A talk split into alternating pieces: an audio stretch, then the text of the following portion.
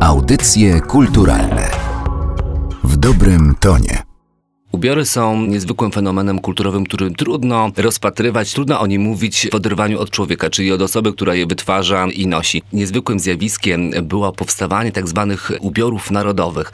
W 1906 roku Świat Kobiecy, bardzo popularna gazeta ówczesnego czasu, zorganizowała konkurs, który był skierowany do krawców, do ówczesnych projektantów, ale również do artystów plastyków, który miał na celu wyłonić i stworzyć właśnie strój narodowy. Nadesłano mnóstwo prac i co ciekawe, jury wcale nie było wyłoniło głównego laureata, było ich kilku, innymi prace sióstr Bierkowskich, które podejmowały to zagadnienie stworzenia stroju narodowego w sposób bardzo ciekawy, ponieważ panie odwołały się do strojów grup etnograficznych, szczególnie górali podhalańskich i krakowiaków i w ten sposób powstały przynajmniej szkice sukni balowych y, w odniesieniu do stroju górali podhalańskich i różnego typu inne elementy galanterii, które właśnie były ulokowane gdzieś w ludowości. Wiele osób z nas tak nawet stereotypowo kojarzy strój narodowy ze strojem krakowskim. Powstała taka przedziwna figura tego stroju krakowskiego.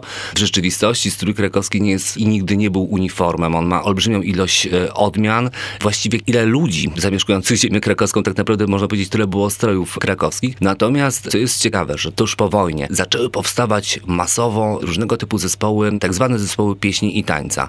Te zespoły trzeba było, jako że odwoływały się one w swoim repertuarze bardzo często do ludowości, ale również tak miały wyglądać, ponieważ miały promować w dużej mierze kulturę chłopską, promować kulturę przynajmniej w takim chłopskim gorsecie, czyli w pewnego typu anturażu nawiązującym do ludowości, zaistniała potrzeba zorganizowania olbrzymiej ilości, właściwie uszycia, stworzenia olbrzymiej ilości tych strojów ludowych na potrzeby rzeszy owych zespołów. Produkcją tych strojów zajęła się Cepelia, specjalnie tak naprawdę do tego powołana, ale wcześniej takie stroje były zbierane w terenie. Bardzo często okazywało się, że na wsi pojawiało się ogłoszenie, które informowało o tym, że tego a tego dnia będzie przeprowadzany skup strojów i mieszkańcy wsi ochoczo przynosili już nie modną odzież, ale wykonaną w ramach tradycyjnej kultury ludowej, w ramach takiej gospodarki domowej i takie żuki, bo zazwyczaj były to samochody marki Żuk, wywoziły ową odzież do Warszawy, która dostawała drugie życie, życie sceniczne.